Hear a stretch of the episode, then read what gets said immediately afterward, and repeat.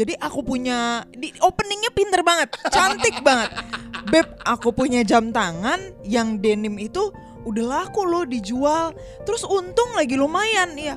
Oh iya seneng dong kirain oh nambah duit. Eh ternyata setelah opening yang sangat cetar itu dia mau jujur bahwa dia beli jam tangan baru dengan hasil duit penjualannya.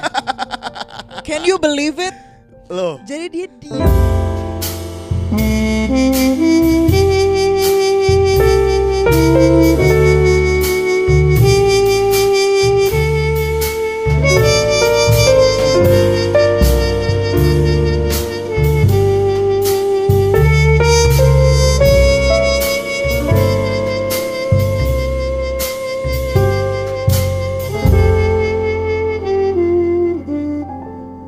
Beb, Ya, biasa aja dong. kenapa Beb? Enggak, gini-gini. Kan kita lama nggak ngobrol-ngobrol lagi nih, Beb. Betul. Nah, hari ini kenapa kamu pilih topik ini? Karena aku Eh, tunggu, sebut dulu dong topiknya apa? Belum disebut, belum tahu mereka. eh, topik ini adalah perlukah ada batasan di dalam pernikahan? Tidak perlu. Kenapa tidak perlu? Gini loh, bayangin. Gimana caranya kita bisa menikmati satu sama lain dengan ada batasan-batasan? Em, Oke, tapi perkataan kamu itu tidak sejalan dengan perbuatan kamu kemarin malam. Karena gini ceritanya, kemarin malam itu dia em, sembunyi-sembunyi istilahnya gitu ya, membawa satu paket ke atas yang tidak saya ketahui. Kemudian dia pada waktu tengah malam bilang, "Beb, jadi aku punya di openingnya pinter banget, cantik banget. Beb, aku punya jam tangan yang denim itu udah laku loh dijual. Terus untung lagi lumayan ya. Oh iya seneng dong kirain oh nambah duit. Eh ternyata setelah opening yang sangat cetar itu dia mau jujur bahwa dia beli jam tangan baru dengan hasil duit penjualannya. Can you believe it? Loh, Jadi dia diam-diam menjual tanpa sepengetahuan gue dan membeli tanpa sepengetahuan gue. menjual dua dan membeli satu. Nah, kacau nggak tuh? Loh, ita- tapi kan gini, itu kan namanya tidak berbohong. Itu kan namanya memberitahu hal yang harus diberitahu dulu, gitu kan sebenarnya. Enggak, enggak. Itu namanya bukan bohong, tapi em, menunda kebenaran. Nah teman-teman, kita kita lagi ngobrol-ngobrol tiba-tiba kepikiran topik ini berhubungan dengan kejadian kemarin yang ceritanya Sangat agak absurd. agak kurang jujur itu. Jadi kita pikir sebenarnya apa sih batasan dalam pernikahan? A- ada nggak sih batasan spesifik yang ini buat kita pribadi yang kita sangat jaga di pernikahan kita Hmm. gitu dan ada juga ada nggak sih batasan yang buat kita udahlah santai aja gitu. Hmm. Beb, nomor satu kamu dulu. Nah, nomor satu kita mau bahas tentang batasan apakah kita boleh baca chat atau medsosnya pasangan kita. Gimana, Beb? Menurut kamu? Gua sih nggak setuju orang baca chat pasangannya apalagi kalau ngambil handphonenya gitu dibaca gitu ya. Oke. karena kita berdua biasa eh, WhatsApp web kebuka dan kita tutup lagi. jadi jadi kita kita nggak nggak pernah ngambil handphone orang terus tanya karena emang dia langsung lihat kadang-kadang kesel. Ini orang pinjam laptop gua nggak di nggak di Nggak di lock nggak di out. lock out, lock Gua harus log out, sign in lagi sendiri, ngerepotin. Nah kalau kalau buat kita sebetulnya eh, karena nggak ada yang disembunyiin ya, maksudnya eh, dia juga tahu ngechat siapa dan circle-nya apa, dia juga tahu bahasanya gimana. Eh, kita juga kenal gitu bahasa pasangan kita tuh kayak apa ke orang gitu. Misalnya Benar. misalnya Mendy tahu, gue tuh sangat ramah orangnya. Bahkan gua chat sama sahabatnya Mendy yang cewek untuk ngobrol-ngobrol kemarin malam gitu. Dan gue cinta sama Mm-mm. dia dan eh, ada chatnya gitu. Jadi eh, kita tuh sangat-sangat open karena buat kita itu jadi udah kebiasaan dari dulu kali ya. Iya, Kecuali jam tangan itu memang gua nggak pernah itu. Kalau yang jam tangan Dan itu emang itu udah berapa kali gua kena tipu. Selain jam tangan apalagi Beb kamu pernah bohong? handphone pernah. Nah itu Lo bayangin belinya nggak nanggung-nanggung gitu ya Beli tuh apa kek masak indomie kek bohongnya Enggak beli jam tangan beli handphone Aduh tapi, Oke. tapi maksudnya Hmm. Eh, mungkin kayak gitu ada karena ada kebiasaan antara kita yang kita selalu ngomong kita selalu cerita gitu. Ya. eh di kantor gue si ini ini ini ini em, suka kayak gini nih gitu. Orangnya kayak gini banget gitu. Atau Hmm. gue ada proyek nih sama si em, si A gitu ya. Jadi in a way kita udah saling tahu gitu. Kalaupun WhatsApp webnya kebuka lagi chat seru banget gitu. Ataupun kadang-kadang kalau telepon gitu sampai tengah malam kayak seru banget kita nggak jelas karena udah tau lah oh ya emang mereka sama-sama ya cuma rekan kerja Hmm. atau mereka cuma lagi ngomongin proyek gitu atau mungkin Budi lagi TP-TP karena lagi ada pengen maunya gitu sama klien Bener. Tahu banget dia. Jadi kalau lagi TP-TP bener, gue Nah. pasti approach-nya beda tuh. nah itu. gue udah tahu tuh ah enggak dia cuma itu doang kan jadi jadi kayak waktu kemarin gue lagi dapat klien, terus gue ngobrol nih klien gue kebetulan perempuan, gue ngobrol lama banget gitu karena gue tahu dia suka ngobrol dan gue harus menyampaikan ide-ide Smooth, smooth dengan iya. baik kan. Jadi kan Uh-uh. mengakrabkan diri kan. Nah. Mandy biasa aja dia santai aja ketik-ketik aja. Gue ngobrol dengan seru, eh iya gimana gimana gitu. Kayak Mandy tahu gue tuh kan persuasif tipenya. Approach-nya jadi dia harus gitu. Makanya eh, Bener. Mandy biasa aja gitu-gitu. Benar, benar. Tapi of course em, kalau misalnya dengan catatan kalau misalnya pun gitu ya ada keinginan untuk ngecek gitu. Kalau kita udah saling percaya tuh nggak ada sama sekali gitu keinginan untuk ngecek gitu. Budi juga kalau buka WhatsApp web di laptop gua, gua nggak kayak gila ini kemarin ini cewek yang dia dia teleponan sampai tengah malam ini dia ngobrolin apa sih gitu. nggak ada karena emang udah saling terbuka dan mungkin karena kita udah tahu ya kayak satu sama lain habitnya kayak gimana gitu jadi nggak pernah curigaan lagi gitu karena udah tahu banget Ini ini paradoks sebetulnya. Jadi sebelum kita bahas yang lain, gue mau cerita paradoks sedikit. Jadi teman-teman eh, boleh nggak sih lu chat eh, email atau Facebook atau sosial media pasangan lu? Boleh nggak sih? Boleh, sangat boleh menurut gue. Hmm. Tapi gue sih nggak lakuin gitu. Kalau suka meriksain berarti something wrong dengan hubungan lu gitu. betul betul Jadi gue dan Mandy silahkan diperiksa, tapi kita nggak pernah karena menurut gua kalau lu penasaran sama chat pasangan lu tuh jadi aneh gitu. iya Menurut gua ya. uh-uh. berarti kan ada yang apa ya distrust gitu antara Iya, kalian iya. berdua dan justru ngecekin chatnya itu I don't think um, the first thing that you should look sih Ya ya. itu mungkin kayak um, extreme measures kalau sampai em, pasangan lu udah ketahuan bohong berapa kali gitu ya dan sering punya kebiasaan buruk lah sering emang kecentilan tapi bukan centil buat proyek tapi emang kecentilannya kebangetan lah gitu ya yang keluar dari batasan yang kalian sudah sudah kasih gitu. Nah kalau yang kayak gitu sih ya mungkin kalian pengen punya hasrat untuk ngecek chatnya tapi sebelum itu mendingan kalian coba obrolin dulu gitu berdua kira-kira ada permasalahan apa sih sehingga kalian berdua nggak bisa jujur satu sama lain? Kalau kebohongan-kebohongan gitu lu jadi suka periksa. Dan kayaknya abis itu gue bakal mendelete aplikasi jam tangan di tangan gue di handphone gue. Karena kan bahaya dia bisa lihat historinya dia bisa lihat parah. Pasangan gue ngeliatin jam tangan apa aja ya dia waiting list waiting list apa gitu. Itu kayaknya bakal kayaknya gua- kamu nggak akan bisa sebegitunya. Karena kadang-kadang juga ketika lu lagi apa eh, BAB di pagi-pagi lu suka pinjem gue punya HP buat ngeliat YouTube jam tangan kan Beb? Aduh, nah teman-teman eh, kita mau bahas lagi. Beb menurut kamu privacy di pernikahan tuh apa? Kalau menurut aku ya privacy di pernikahan itu adalah apalagi kalau misalnya ngomongin chat, sosmed gitu itu boleh semuanya dibuka gitu ya. Em, mungkin kayak pikiran kita sendiri kali ya. Jadi pasangan itu mungkin bisa ngontrol macem-macem, kita bisa punya batasan macem-macem, tapi pikiran lu ya punya pikiran lu sendiri gitu. Dia nggak mungkin bisa me- membatasi. eh, eh, lu mau mikir seperti apa, lu mau fantasi seperti apa, Woi, lu mau berimajinasi seliar Woi, apa woi, gitu itu. Itu punya lu sendiri Woi, gitu. woi, benar, jadi ka- kayak aku pernah pernah dengar gitu ya Mahatma Gandhi bilang kalian bisa memenjarakan tubuhku tapi kalian nggak bisa memenjarakan pikiranku. See. karena ya emang pikiran itu punya kalian sendiri jadi fantasi tuh masuk di pikiran yang bebas kan Ya, termasuk tapi fantasi bisa diceritakan bersama pasangan sebetulnya oh kalau benar dan dieksekusi bersama Nah, em, kalau buat gue nih teman-teman, gue bilang gini, kadang-kadang kalau menurut gue ya, yang privacy itu sesuatu yang gue emang nggak mau cerita. Bi- biasanya Oke. faktornya karena dua hal. Yang pertama, kalau diceritain pasangan nggak nggak bakal ngerti. oke Atau yang kedua, malah memperburuk suasana keadaan gitu.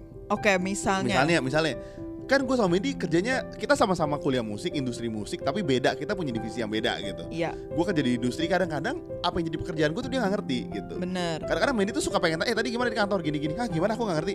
Ya udah, udah, udah, udah.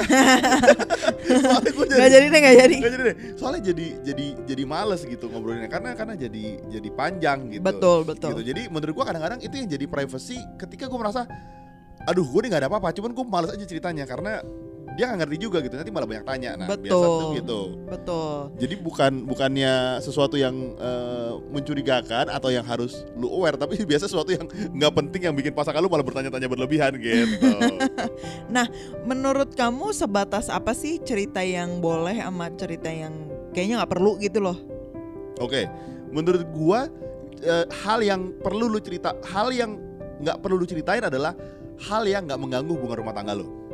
Kalau buat Oke. gua, kerjaan kantor gua tuh nggak mengganggu hubungan gua sama istri gua dan keluarga gua. Karena buat gua, gua merasa itu bisa gua dengan sangat mudah.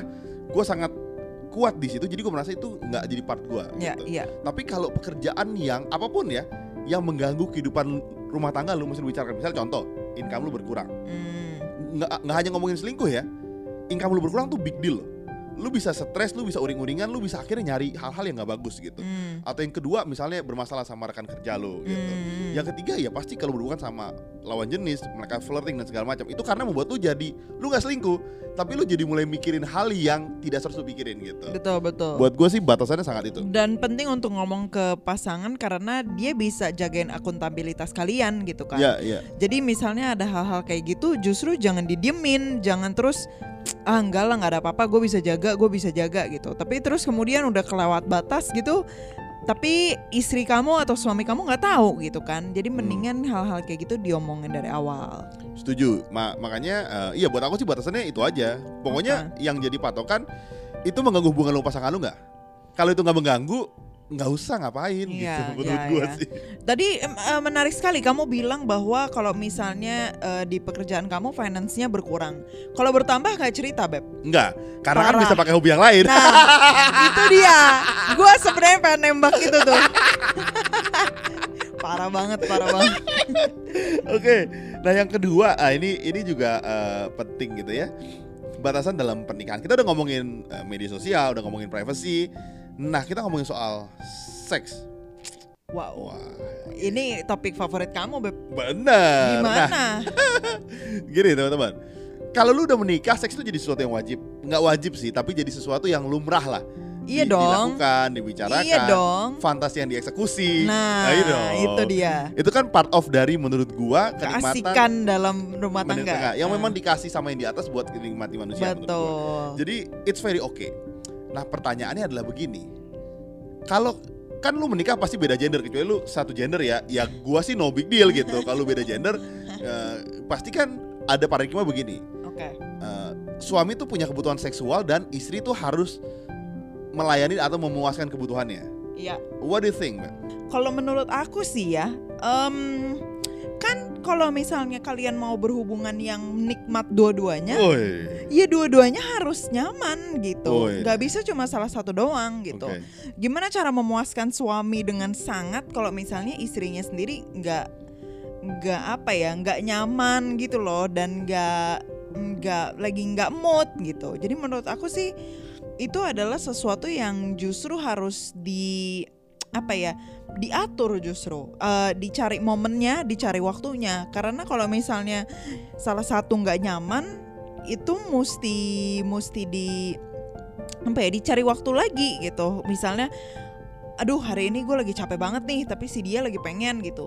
Ya udah kalian bilang aja hari ini jangan deh ya gimana kalau hari kapan misalnya gitu. Jadi jadi it's okay juga kalau misalnya kalian nentuin jam dan em, waktu ke depannya untuk bisa melakukan fantasi tersebut Woi deh. Tapi tapi nggak tahu ya. Aku tanya kamu biar teman-teman kita juga dengar gitu.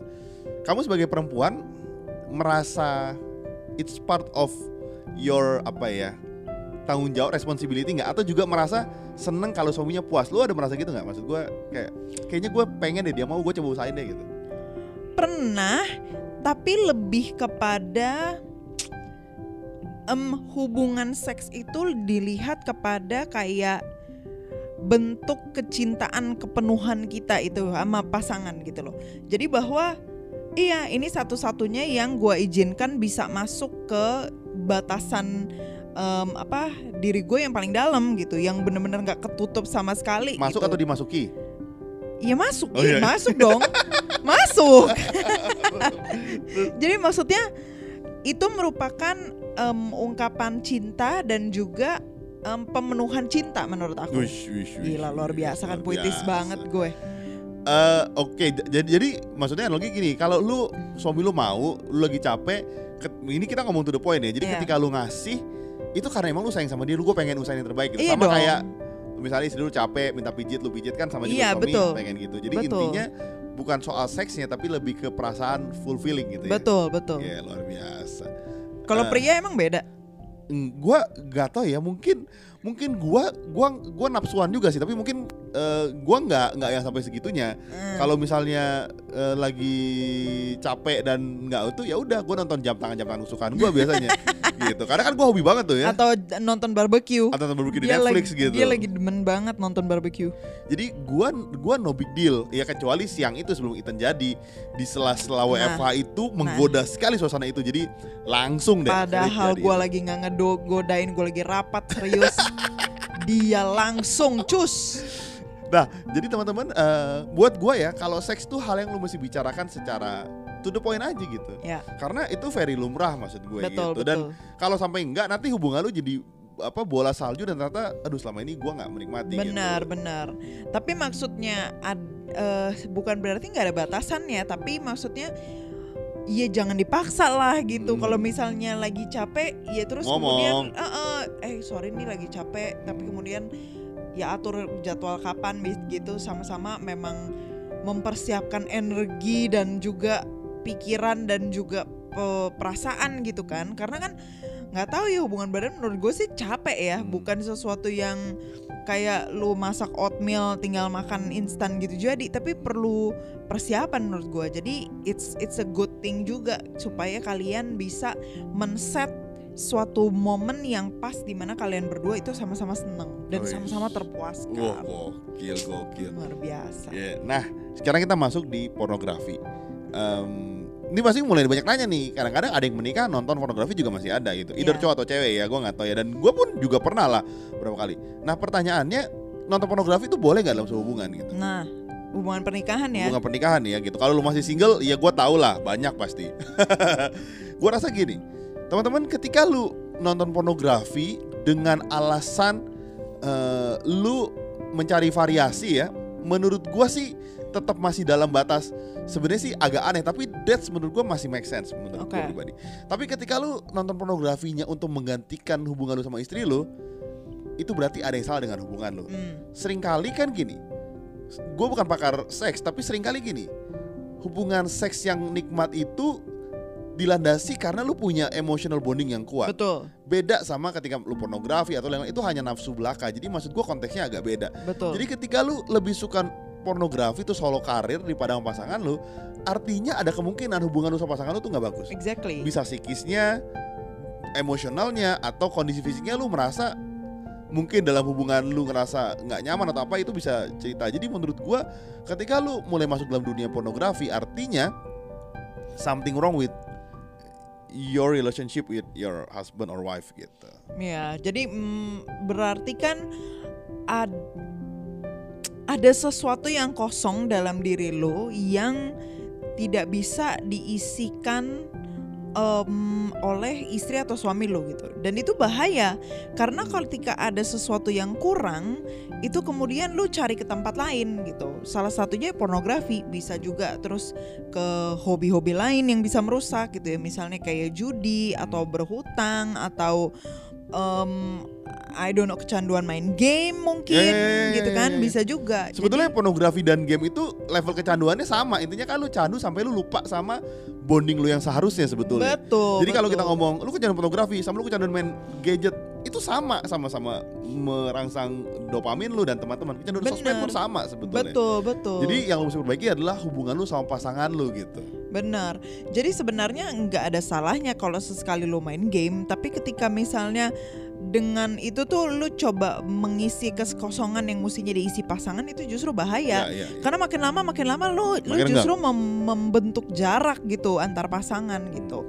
Dan itu juga dengan pornografi karena yang tadinya kalian hanya dipuaskan oleh em, istri kalian gitu ya atau mungkin yang em, sesuatu yang nggak tahu ya kalau misal berhubungan badan tuh sesuatu yang diusahakan sebenarnya Iya, kan iya, iya. sesuatu yang spesial yang intimate yang kalian persiapkan jadi kayak oke hari ini em, gua mau apa eh, pakai gaya apa? misalnya gitu Oh, iya kan, kan? Heeh. Terus pakai penampilan apa nah gitu kan? gitu kan itu kan disiapin menurut gua nggak gampang gitu ya Iya, sesuatu iya, yang iya. susah sedangkan kalau pornografi lu tinggal cetek tinggal Buka eh, VPN tinggal dan buka gitu. VPN dan Dan gitu lu gak butuh apa, Ses- lu gak butuh effort apa-apa. Iya, sesuatu yang instan. Jadi orang jadi makin nagih gitu karena instan gampang dapatnya cepet gitu. Nah, itu bahaya banget karena lama kelamaan lu jadi nagih ke sesuatu yang em, menjauhkan diri kalian dari sebenarnya yang mestinya diisi oleh pasangan kalian. Jadi sebetulnya kalau teman-teman bayangin ya, pornografi instan sama instan sama bahayanya. Sama-sama instan, Bener. bikin kecanduan gitu. Nggak salah. Bener dong. Siap, Beb. Nah, yang ketiga. Ah, ini kamu deh yang ngomong. Oke, yang ketiga itu mungkin aku perlu ngomong karena memang suami gue suka kayak gini ya. Eh, jadi di mana dia tidak terbuka secara sepenuhnya tentang hal-hal yang berbau finansial. Ketika dia beli barang nggak bilang atau beli duluan baru kemudian minta izinnya belakangan.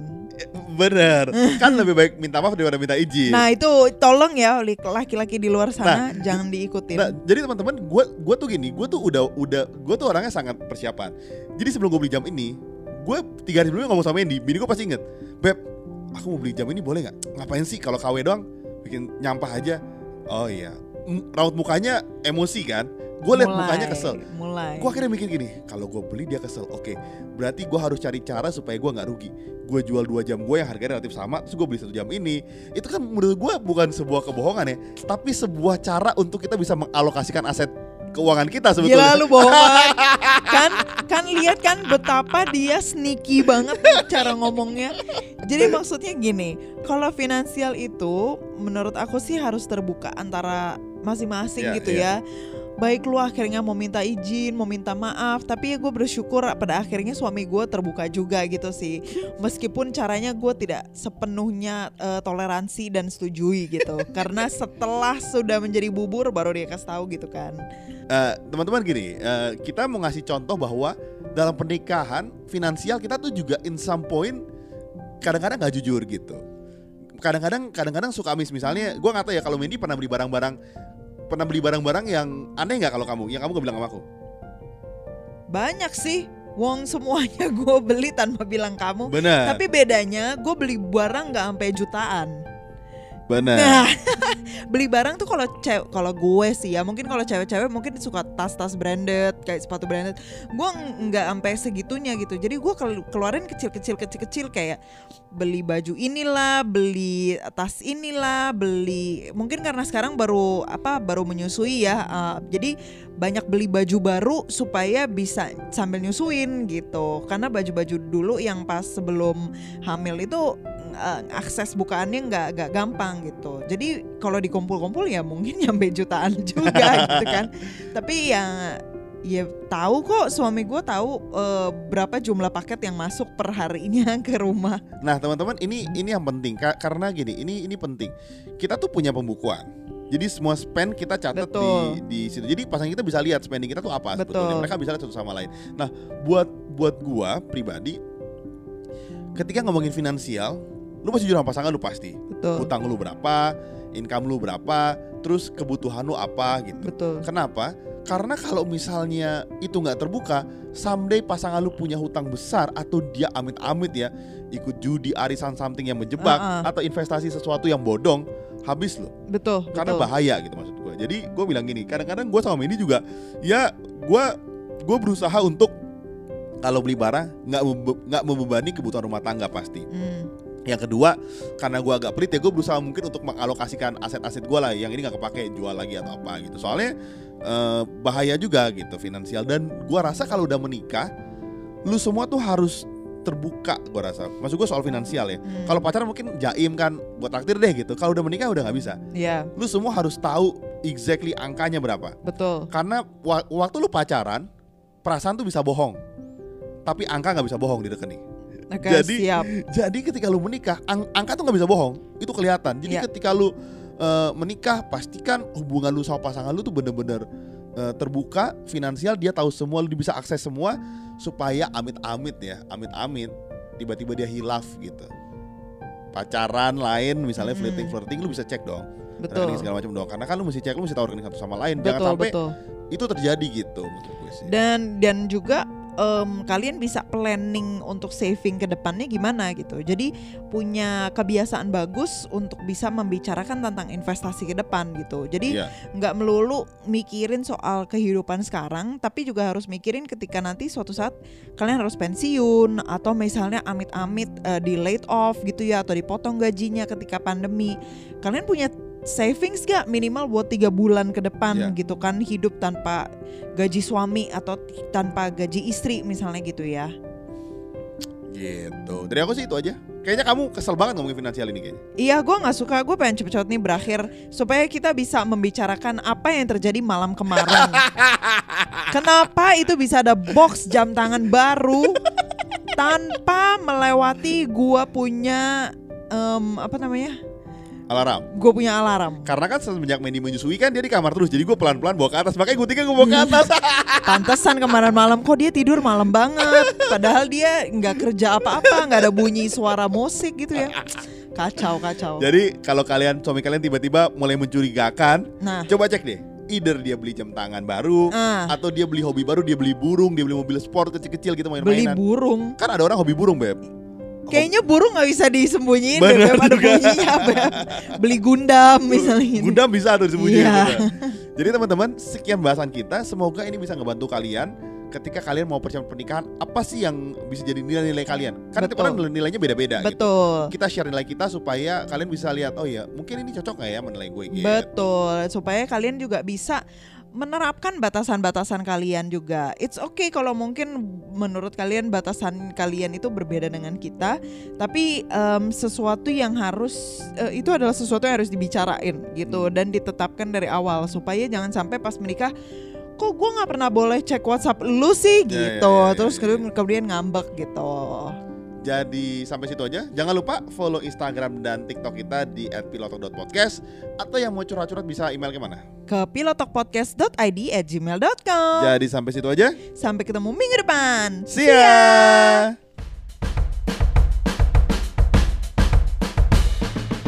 Kalian tahu nggak sih rahasia bagaimana kita berdua bisa bikin konten setiap minggunya secara rutin? Ternyata rahasianya ada di Nasi Padang. Jadi, gengs, tiap kali si Budi itu makan, Nasi Padang. dia punya kemampuan berpikir dan kreatif itu semakin meningkat. Jadi, kalau kalian mau beliin kita, Nasi Padang. boleh ke Karyakarsa.com slash pilotok ID. Tenang aja, aku kalau nasi padang tuh murah kok. Nasi, sayur sama kuah, paling 10 ribu. Iya, karena kemampuan perut Budi akan bertambah dengan cepat kalau dia makan karbohidrat aja. Jadi, jangan lupa ke karyakarsa.com slash pilotokid untuk support kita ya.